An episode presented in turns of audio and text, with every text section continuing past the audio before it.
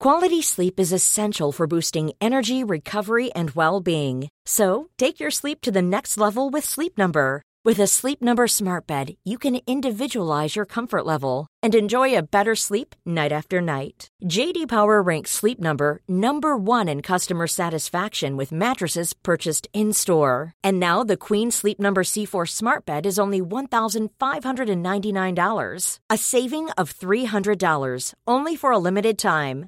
For JD Power 2023 award information, visit jdpower.com/awards. Only at Sleep Number stores or sleepnumber.com.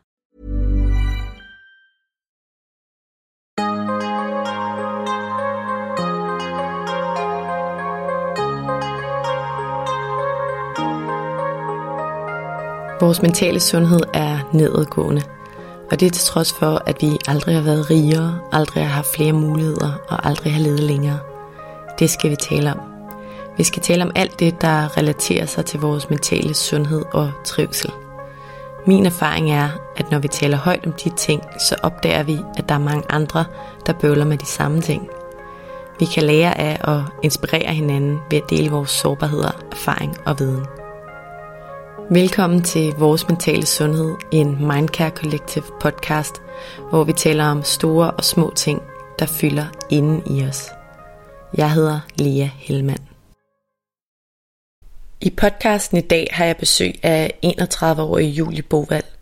Julie, en både klog, sød og smuk kvinde, fortæller om de mentale udfordringer, hun har kæmpet med de sidste 15 år af sit liv.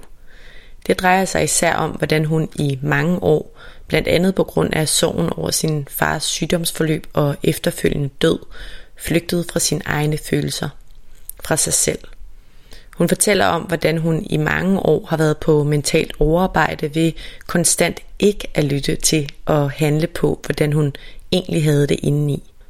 Vi taler i dag om, hvordan de her mentale udfordringer har påvirket Julies ungdom, og vi taler om, hvordan hun i dag er kommet til et meget, meget bedre sted mentalt, hvor hun i langt højere grad lytter til og er tro mod sig selv og sine egne følelser, blandt andet på grund af en håndfuld terapiforløb. Velkommen til, Julie Bovald. Jeg er øh, rigtig glad for, at du vil være med i dag i vores mentale sundhed.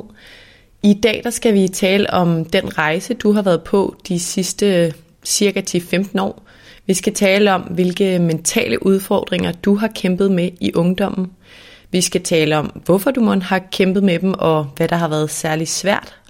Men vi skal også tale om, hvad der har hjulpet dig hen til et bedre sted mentalt, hvor du befinder dig i dag.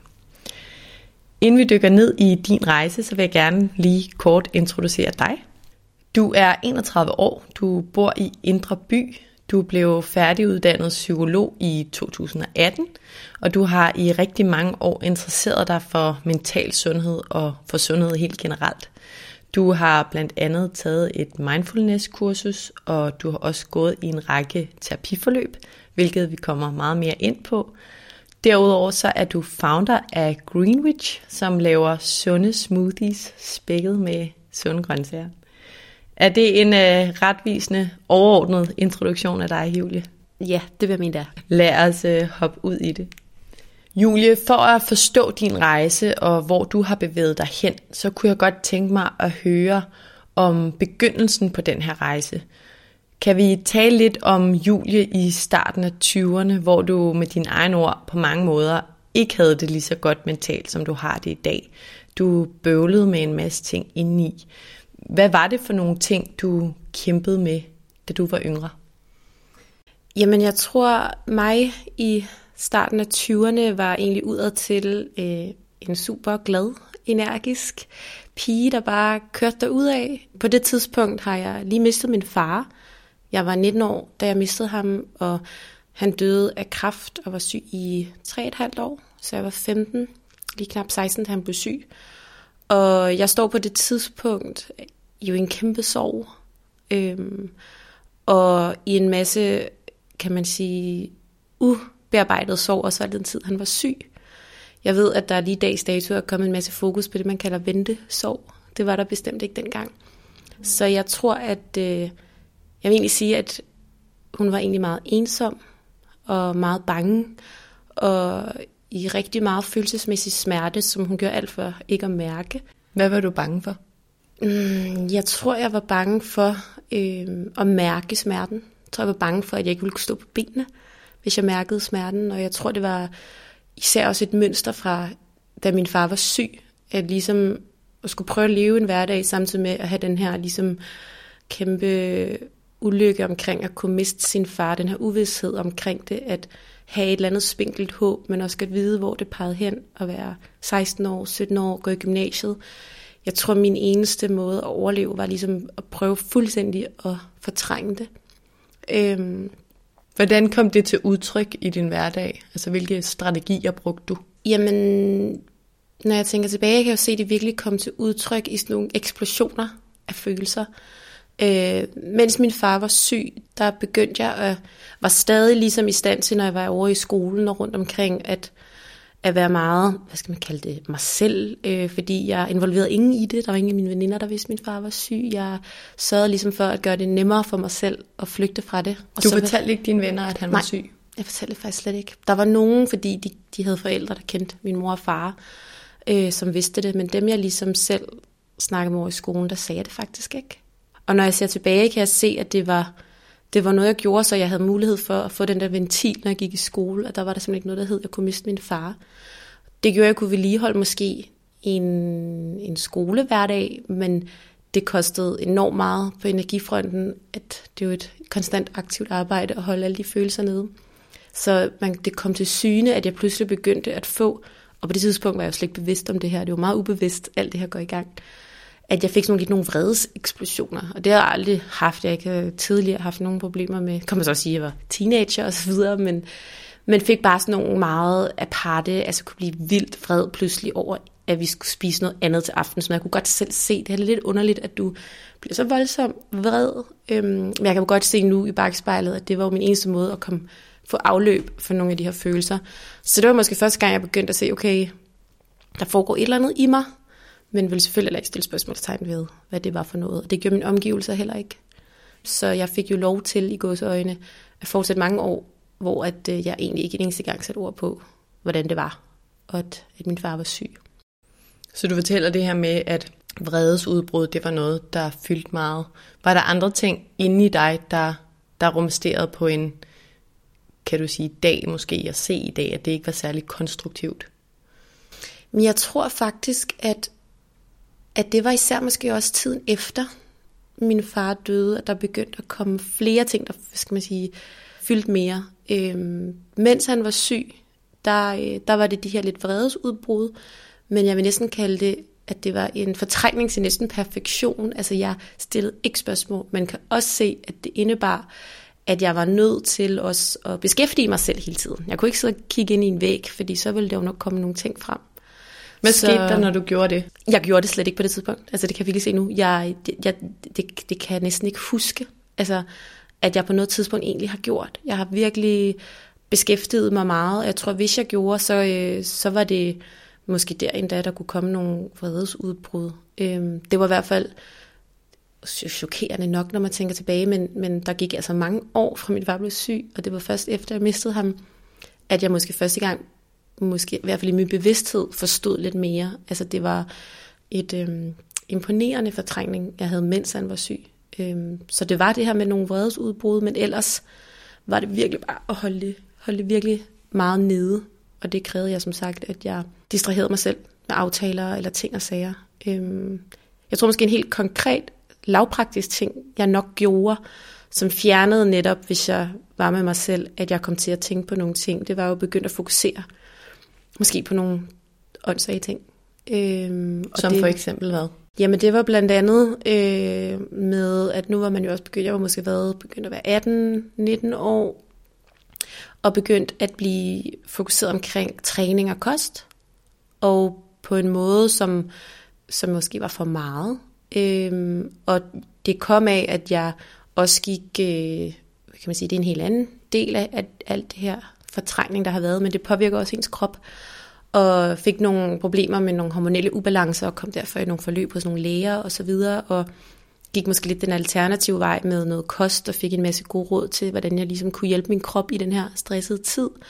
med, med nogle gode kostvaner, som jo egentlig var sunde, men det blev også bare lidt farligt mm. at sige til måske en pige på 17 år, der virkelig leder efter en flugtvej, så blev det jo bare at skulle følge den der kostplan til perfektion. Så det blev faktisk en form for spiseforstyrrelse, eller for meget fokus på det? Ja, altså jeg, nu er det altid det der med sådan nogle labels med ja. spiseforstyrrelse. Jeg har aldrig selv set det, men når man kigger på det, så var det jo øh, så kan man sige, et, et forkert fokus, altså at det netop blev usundt. Så der kan man jo mm. godt kalde en eller anden forstyrrelse, fordi det var jo ikke sundt at tænke så meget på det, at det næsten også blev en stressfaktor.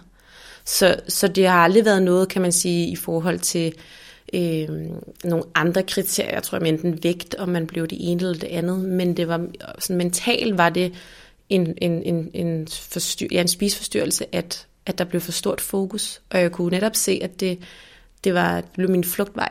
Jeg øh. tror også, jeg synes, det giver rigtig god mening, først og fremmest også, at du siger det her, en label, det er lidt svært, og jeg tror, som ung pige i gymnasiet, tror jeg, ja. vi er rigtig mange, der har været, enten selv har haft det inde på livet, ja. eller kender nogen, der har haft et eller andet fokus, der måske var lidt for meget i forhold til mad, mm. og det er jo, det har jeg i hvert fald tænkt meget over i min ungdom, og også til tider nu, sådan, hvor er grænsen egentlig? Altså, ja.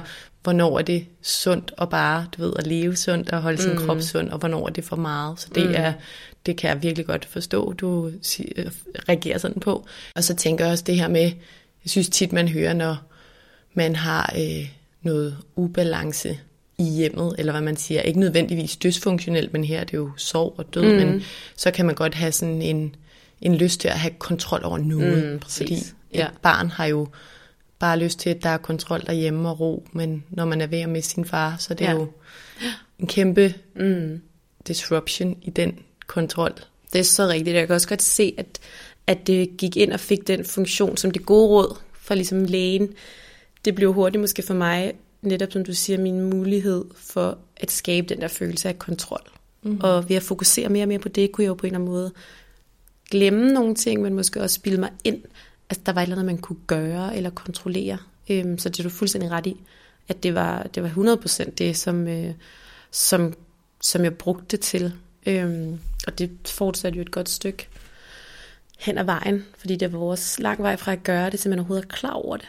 Gør hvad? Jamen for eksempel, at, at man flygter, om det med kosten, eller med, man pakker følelserne væk og kommer til at blive vred. Og sådan, det, er jo, det er jo, har været en øjenåbner for mig at se, hvor langt hen ad vejen jeg faktisk ikke har været bevidst om, hvorfor. Mm. Selvom det jo på en eller anden måde skulle være indlysende, mm. så, øh, så, så har det virkelig været sådan, det har også været en del af min proces, ligesom først at indse, hvorfor er det egentlig lige, at, øh, at jeg har haft behov for det. Ja, og vi kommer til sådan, hvor du er kommet hen, og hvor du har bevæget dig hen, men jeg vil gerne lige høre, at du siger det her med kontrol, og nu er vi lidt inde på sundhed og kost. Mærkede du, at kontrollen sådan viser sig i andre sammenhænge? Var der andre ting, du gerne vil kontrollere? Så nu får jeg lyst til at sige, det tror jeg faktisk ikke. Der er i hvert fald ikke lige noget, der sådan springer op, fordi jeg tror nogle gange, det gav mig en næsten lidt øh, omvendt, øh, skal man sige, måde at forholde mig til ting på i andre sammenhænge. Det var, tror jeg måske også en eller anden, et eller andet behov for os netop altså, at have behovet for at give slip.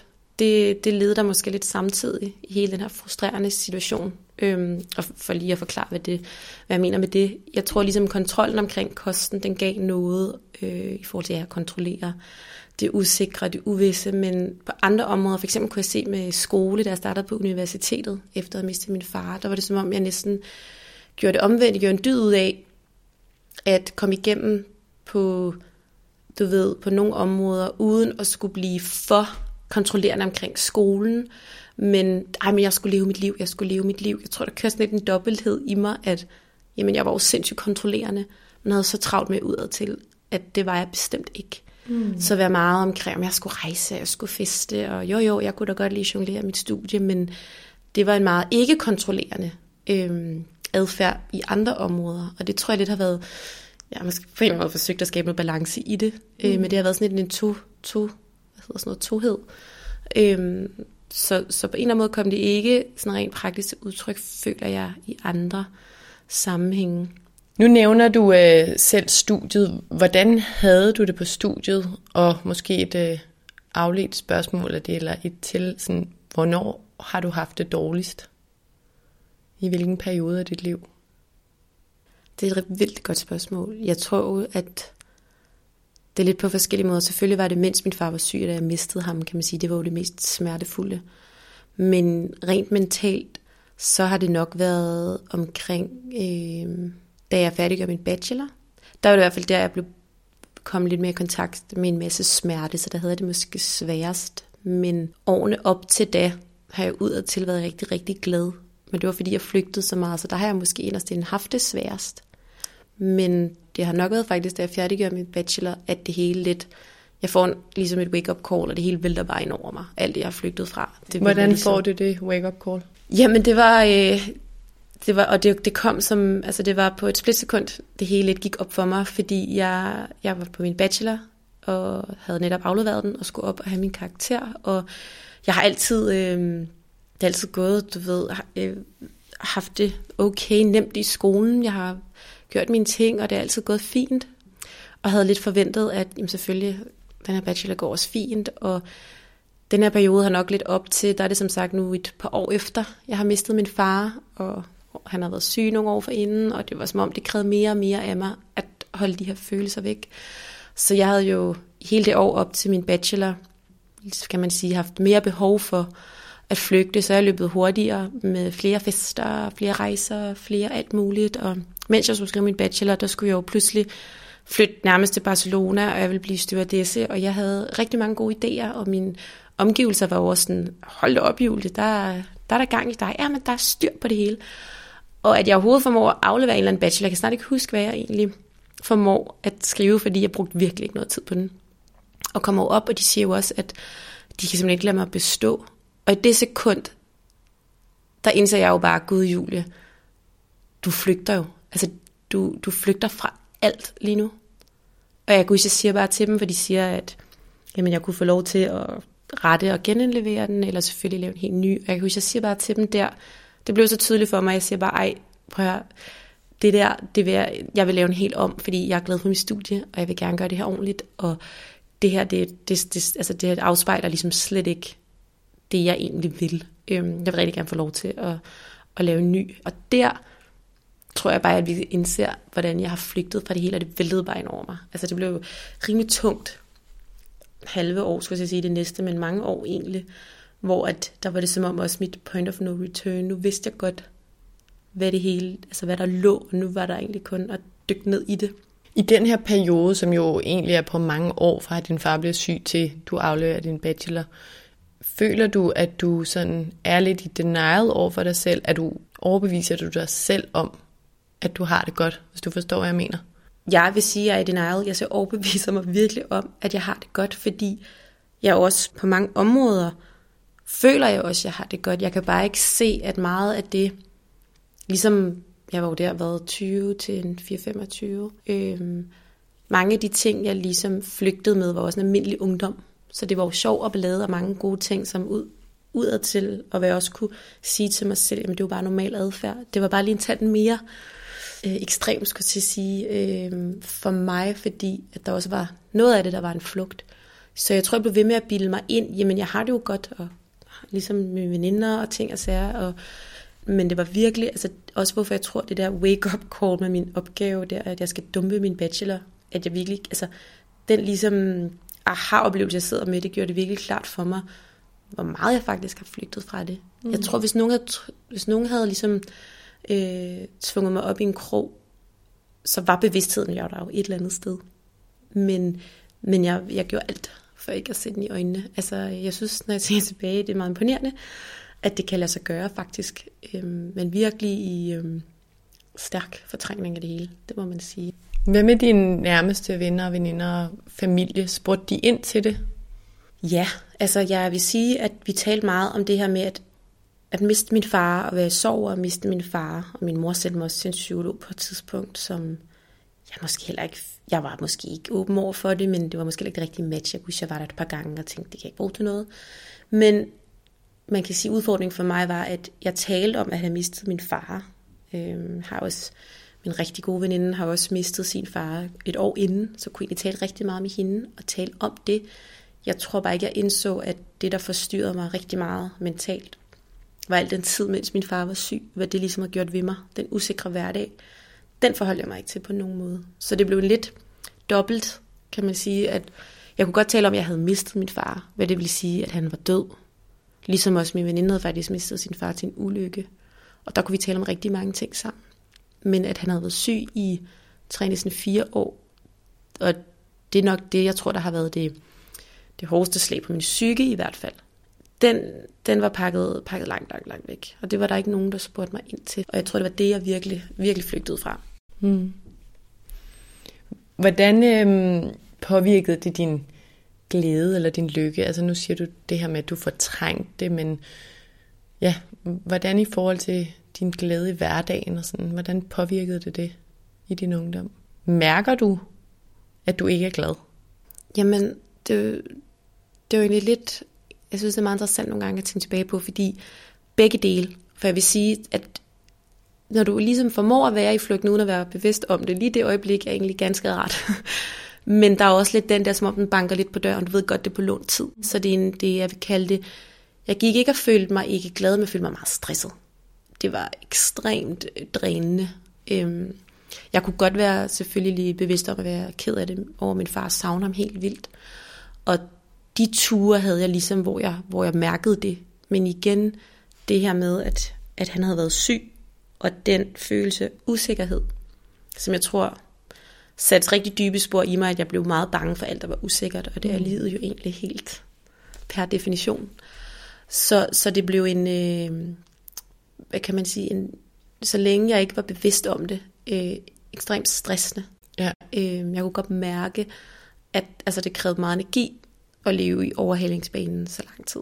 Det giver god mening. Jeg tænker også, at når du på nogle måder egentlig var en, du ikke var, forstå mig ret, du var ikke i kontakt med dine indre følelser, så altså det er jo hårdt at, at spille det spil, og så er man jo hele tiden alert på alle mulige mm. måder i kroppen. Jeg tænker, det er enormt, enormt stressende, og kan også genkende det. Jeg har også selv mistet min far, og ikke at det måske har påvirket mig på samme måde, men har også altid i mit liv haft enormt meget kontrol, eller haft behov for at have kontrol. Noget jeg stadig har og mm. arbejder med, og det, og det er hårdt. Altså, mm. Det der med bare at affinde sig med, du er ikke i kontrol, og der er nogle ting, der ikke er, som du ønsker dem. Det, det kan virkelig være hårdt. Det kan være så hårdt, og jeg kan virkelig genkende det, du siger med, at kontrollen jo stadig lidt sidder i en. Fordi det for mig kan jeg se, at det næsten også nogle gange har været jo ens livredder. At have et fokus og et, ligesom kontrol over nogle ting, gjorde jo egentlig også, at jeg var i stand til at stå på benene og gennemføre min, min, mit gymnasie. Og øh, den er jo ikke, den, det er jo ikke fordi, at den, den skal anbefales eller er sund, men jeg har prøvet nogle gange for ikke at altid dømme mig selv så hårdt på det, og også finde lidt en, været lidt nysgerrig på det, og altså ikke, jeg er jo aldrig taknemmelig for alt det, der er sket, men kan også godt prøve at se lidt mere blidt på, okay, men det var også måske mit bedste mulighed på det tidspunkt. Og jeg kan se, hvordan jeg igennem, nu er jeg jo 31 år, så det var 15 år siden, at min far han er syg, og vi snakker altså inden for det sidste år to, at jeg ligesom først har været i stand til virkelig at give slip på mange af de ting. Og det tror jeg så er et spørgsmål om, hvad man er i stand til, og hvordan ens liv er, og hvad man kan kapere på det tidspunkt. Ja, og gør i hvert fald en til den, man er på, på godt og ondt. Vi kommer lige om lidt ind på, øh, hvad du har været igennem sådan af, af helende processer eller udviklende. Men jeg tænker lige et spørgsmål. Hvis du i dag med de erfaringer, du har fået med dig i løbet af de sidste 10-15 år, skulle sige noget til dig selv, til Julie for 10 år siden, i forhold til, hvor du var på det tidspunkt, måske Julie på studiet, inden hun øh, nåede til erkendelsen med bacheloren. Hvad vil du så sige til dig selv? Jeg vil jo ønske, at jeg kunne have snakket med mig selv. øhm, jamen, jeg tror, jeg vil sige, at øhm, hun skulle tale med nogen og hun skulle række ud efter hjælp, og hun skulle ikke prøve at klare det her alene. Øhm, og hun skulle huske, at, at ligesom der ikke, det var ikke hendes ansvar. Altså hun, hun var i en umenneskelig situation, så af gode grunde kunne hun ikke være så stærk, som hun bildte sig selv, inden hun skulle være. Så jeg tror virkelig, jeg vil ville fortælle hende, at hun skulle, øh, skulle snakke med nogen om det og få noget hjælp. Det tror jeg, øh, så det bagspejlet havde været rigtig, rigtig, rigtig godt. Mm. Så det tror jeg vil være mit sådan, helt konkrete råd til Julie. Quality sleep is essential for boosting energy, recovery, and well-being. So, take your sleep to the next level with Sleep Number. With a Sleep Number smart bed, you can individualize your comfort level and enjoy a better sleep night after night. JD Power ranks Sleep Number number 1 in customer satisfaction with mattresses purchased in-store. And now the Queen Sleep Number C4 smart bed is only $1,599, a saving of $300 only for a limited time. For JD Power 2023 award information, visit jdpower.com/awards. Only at Sleep Number stores or sleepnumber.com.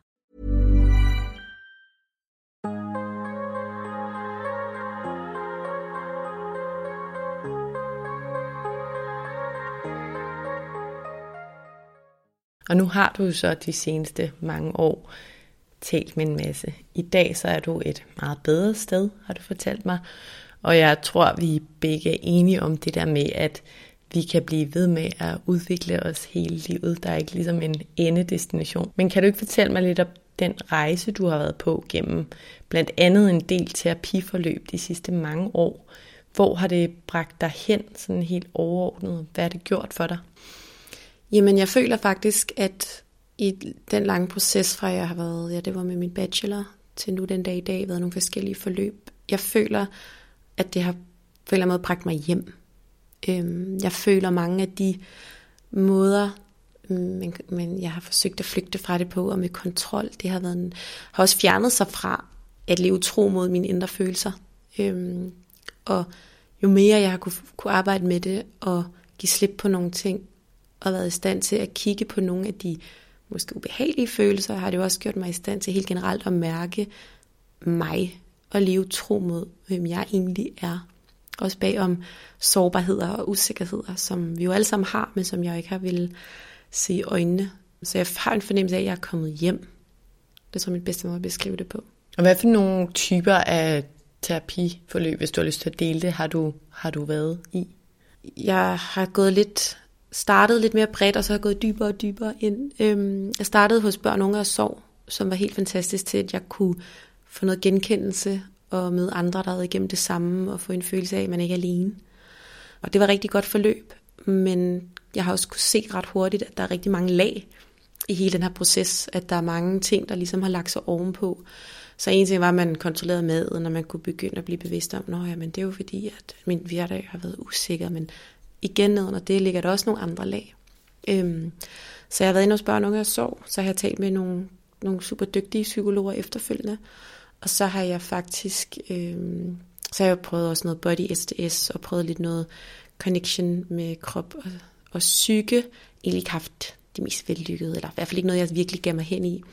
Og så har jeg så de sidste øh, par år gået hos en psykoterapeut, som nok har været det mest ja, fantastiske forløb for mig. Øh, også en helt fantastisk dygtig psykoterapeut. Hvorfor har det været særlig godt? Jamen jeg tror, i hvert fald for min situation, og hvor jeg var nået til, så er det meget tydeligt, at det er ligesom noget, jeg også gik i slip på næsten rent kropsligt, øh, og komme meget mere ned i kroppen og følelserne. Øh, og, og i det her forløb, der har, har hun været rigtig god til, at man går ligesom ind og møder det, både sådan bevidst taler om det, men også lidt bliver guidet til at give slip på det og tager lidt dialog med de forskellige forsvarsmekanismer, man engang har haft. Det kan jo lyde sådan lidt mærkeligt, men det har været vildt effektivt for mig til at også lidt kropsligt give slip, fordi det sætter sig også i kroppen. Så det har været øh, i hvert fald også noget, jeg vil, vil mene har været en, en vigtig del af mit forløb, er også at huske kroppen i det.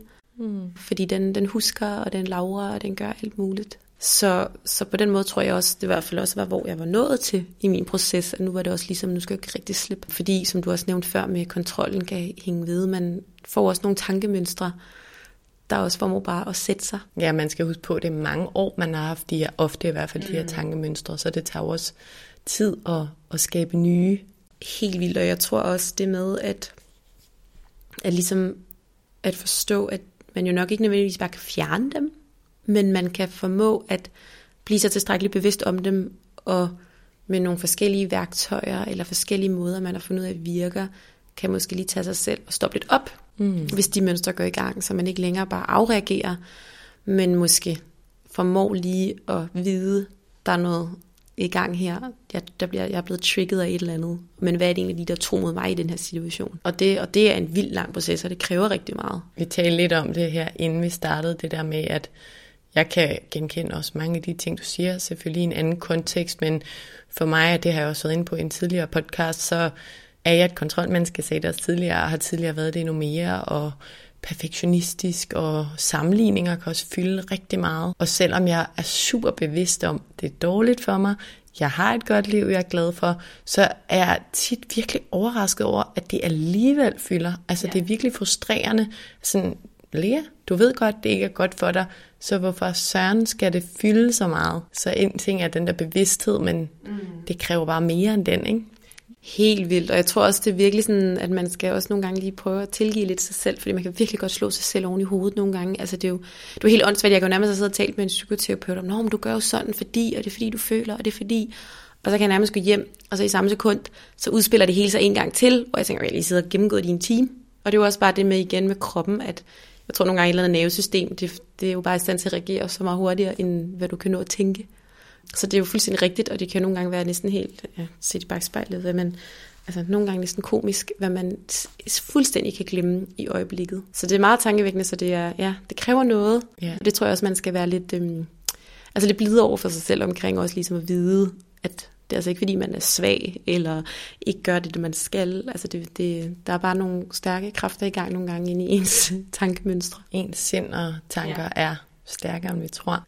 Nu var vi tidligere inde på det her med, at da du havde det dårligt, og da du var yngre, så var du ekstremt flygtende, og du var nok ikke autentisk. Du var ikke i kontakt med din, din inderste følelser. Føler du, at du er det i dag, den måde, du er på i verden, i dit arbejde, at, at du ja, er autentisk? Det er jo tit noget, man taler om i psykologi og mental mm. sundhed, at vi opnår den her autenticitet og være fuldstændig tro mod den mm. vi er. Og jeg ser det egentlig også som værende meget koblet med selvværd. Altså hvis du mm.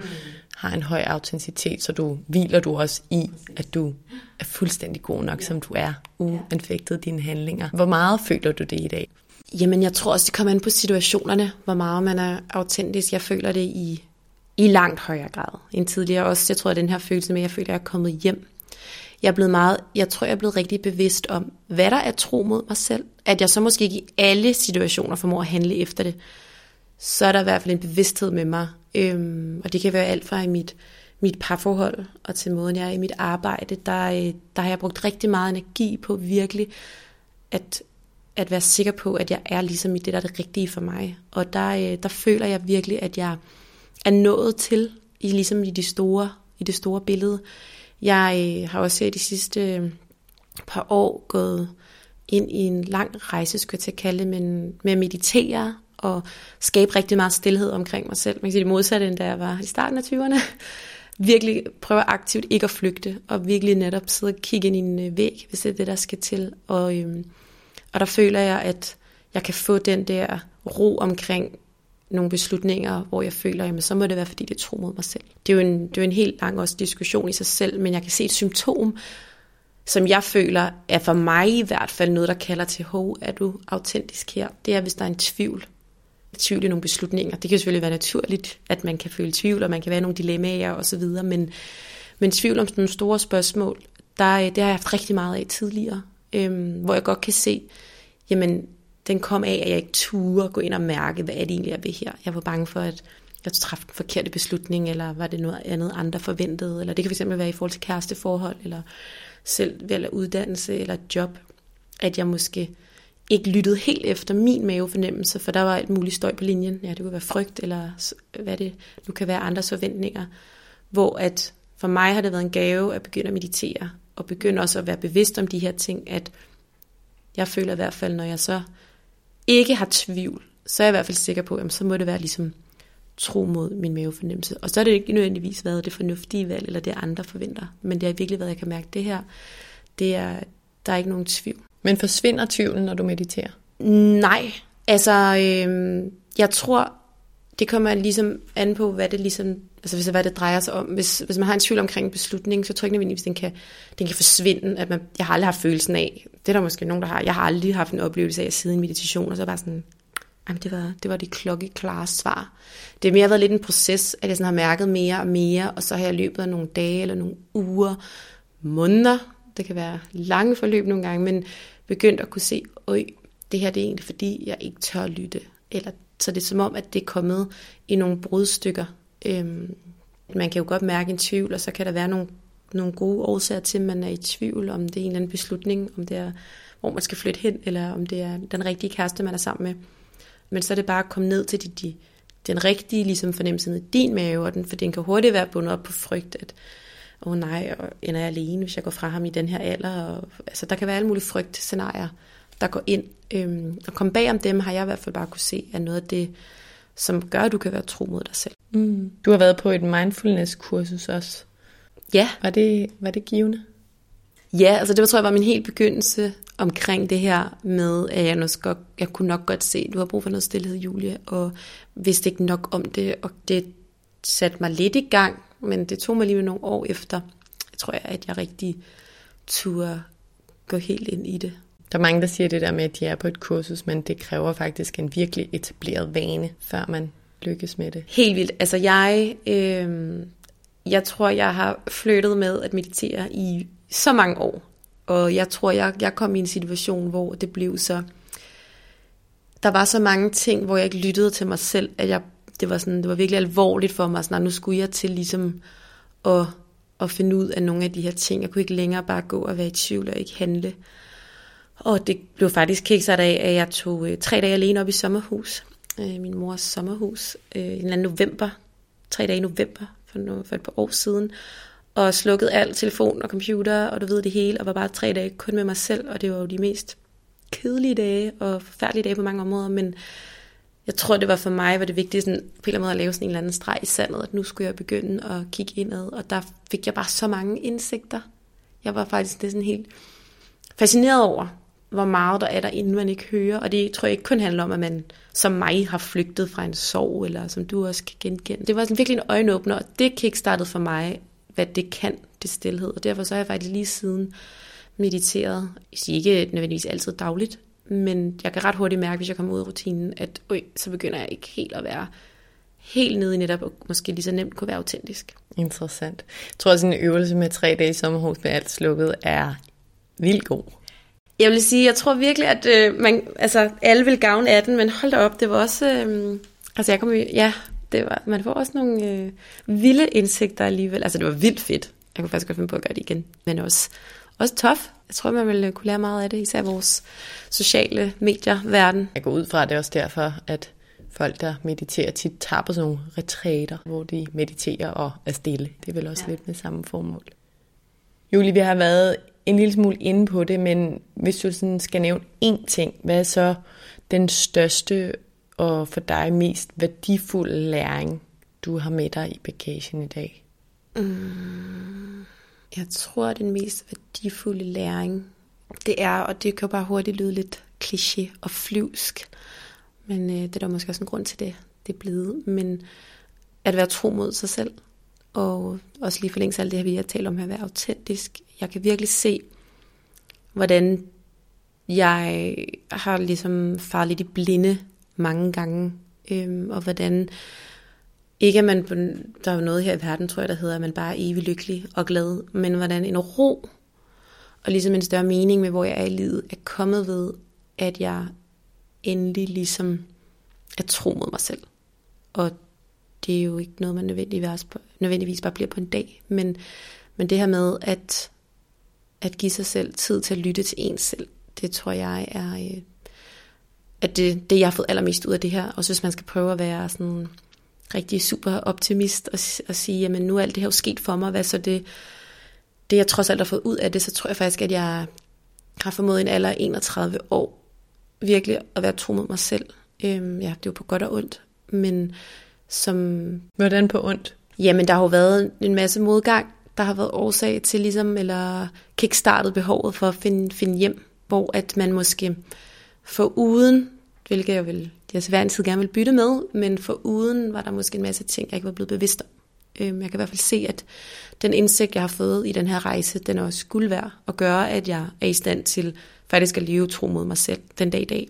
Det tog nogle år. Jeg kan huske, vi talte om det første gang, vi, vi talte sammen i telefon, det der med, man ønsker jo ikke for folk, at de oplever et dødsfald virkelig tidligt, eller noget lignende, og det bestemt ikke ment sådan, at man ikke kan udvikle sig, uden at man har en, et traume ind på livet overhovedet. Mm. Men der er nok lidt større odds for, at man lidt tidligere i livet reflekterer over nogle store ting, når man har et stort traume inde på livet, fordi det ligesom bare vender op og ned på det hele.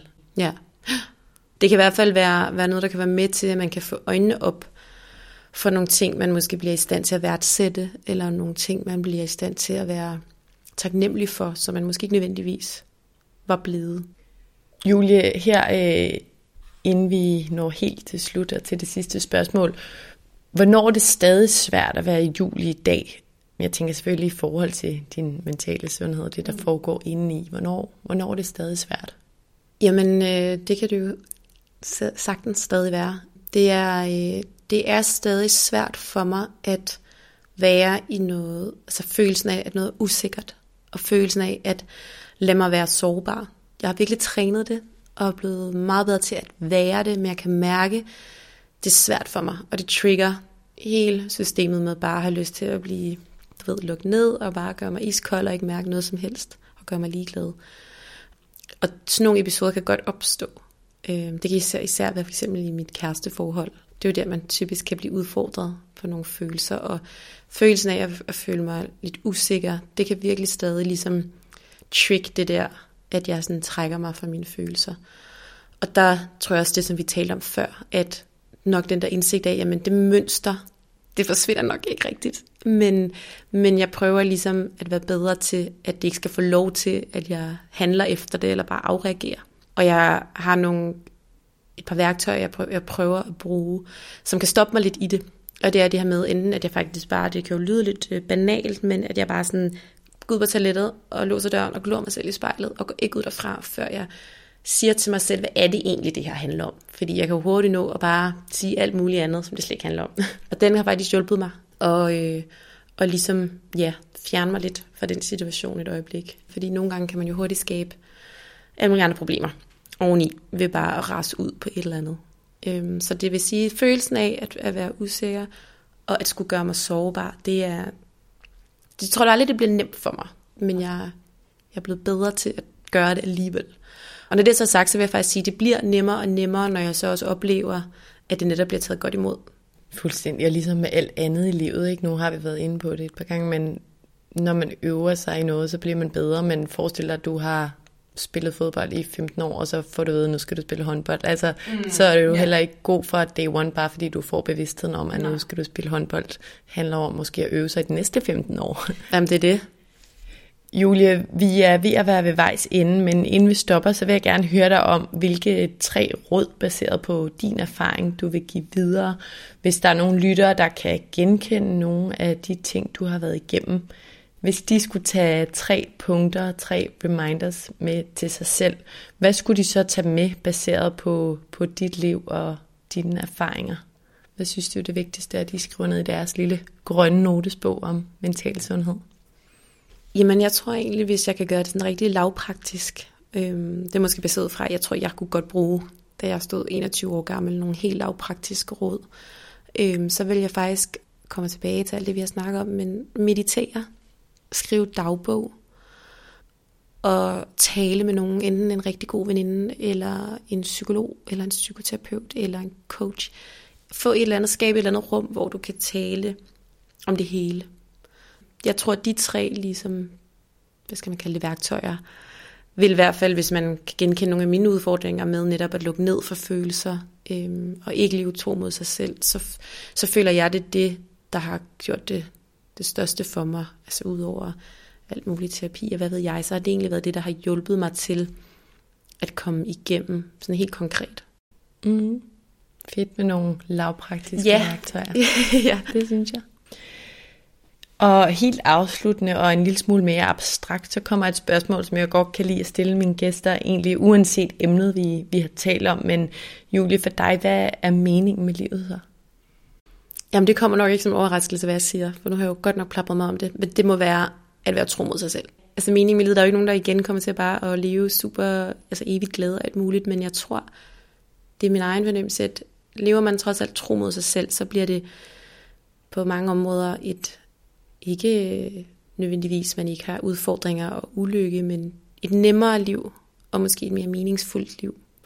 Jeg tror, at, eller jeg ved, at vi alle sammen vil blive, blive mødt af udfordringer på den ene eller den anden måde, så jeg tror, at det er et, et godt pejlepunkt at være tro mod sig selv. Og jeg tænker, nu skrev jeg også på et tidspunkt på Instagram omkring den her hospiceundersøgelse, som jeg tror mange efterhånden kender lidt mm. til, med de der fem ting, som folk fortryder, når de ligger på, på dødssengen, som mm. der er lavet med folk, der er døende, og det er jo netop, altså de fortryder, at de ikke var tro mod ja. sig selv, at de ikke sagde mere nej, at de mm. ikke var, at de ikke arbejdede mindre, altså alle de der ting, som vi tænker på nogle gange, måske bare lige ude i periferien, men glemmer egentlig at tage alvorligt, fordi ja.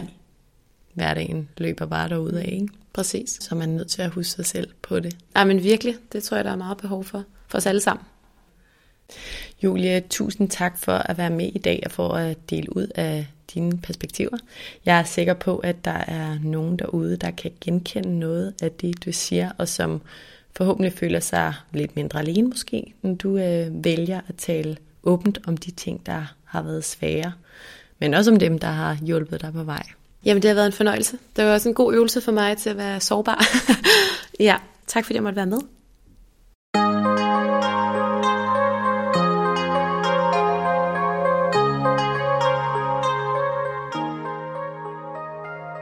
Jeg synes, at det er så stærkt modigt og enormt vigtigt, at folk som Julie fortæller deres historie højt.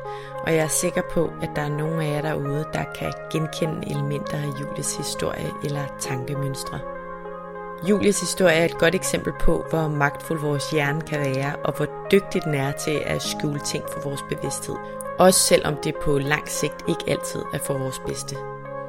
Julies historie er også et godt eksempel på, at det kan gøre ondt og være svært og tidskrævende at udvikle sig mentalt. Men heldigvis tyder alt på, at når vi prioriterer at arbejde med vores mentale sundhed, med vores tankemønstre og mindset, så er resultatet positivt for vores sind, vores liv og vores velbefindende. Jeg har i hvert fald endnu ikke hørt om eksempler på det modsatte. Vi skal lære at komme hjem til os selv og være tro over for det, der foregår inde i os, selvom det nogle gange kan være en svær proces. En anden vigtig point, jeg synes, vi skal tage med fra snakken i dag, er det her med, at vores tankemønstre desværre sjældent forsvinder helt. Og det må vi anerkende.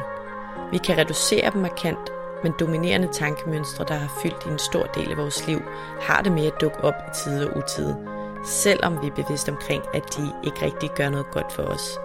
Heldigvis kan vi lære os selv, hvordan vi bedst muligt proaktivt og bevidst håndterer de her destruktive tankemønstre og triggers, når de kommer.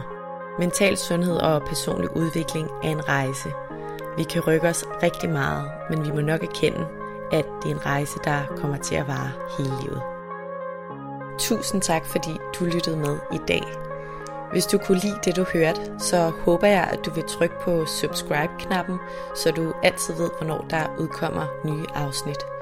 Du må også meget gerne rate podcasten her og skrive en kommentar i kommentarfeltet herunder, hvis du har noget på hjertet. Som altid vil jeg også opfordre dig til at skrive til mig, hvis der er nogle særlige emner, du rigtig gerne vil høre mere om i relation til mental sundhed enten fra et ekspertperspektiv eller igennem en personlig beretning. Skriv til min Instagram-profil Mindcare Collective, hvor jeg i øvrigt håber, at du følger med, eller skriv til mig gennem min hjemmeside mindcarecollective.com. Tak fordi du lyttede med.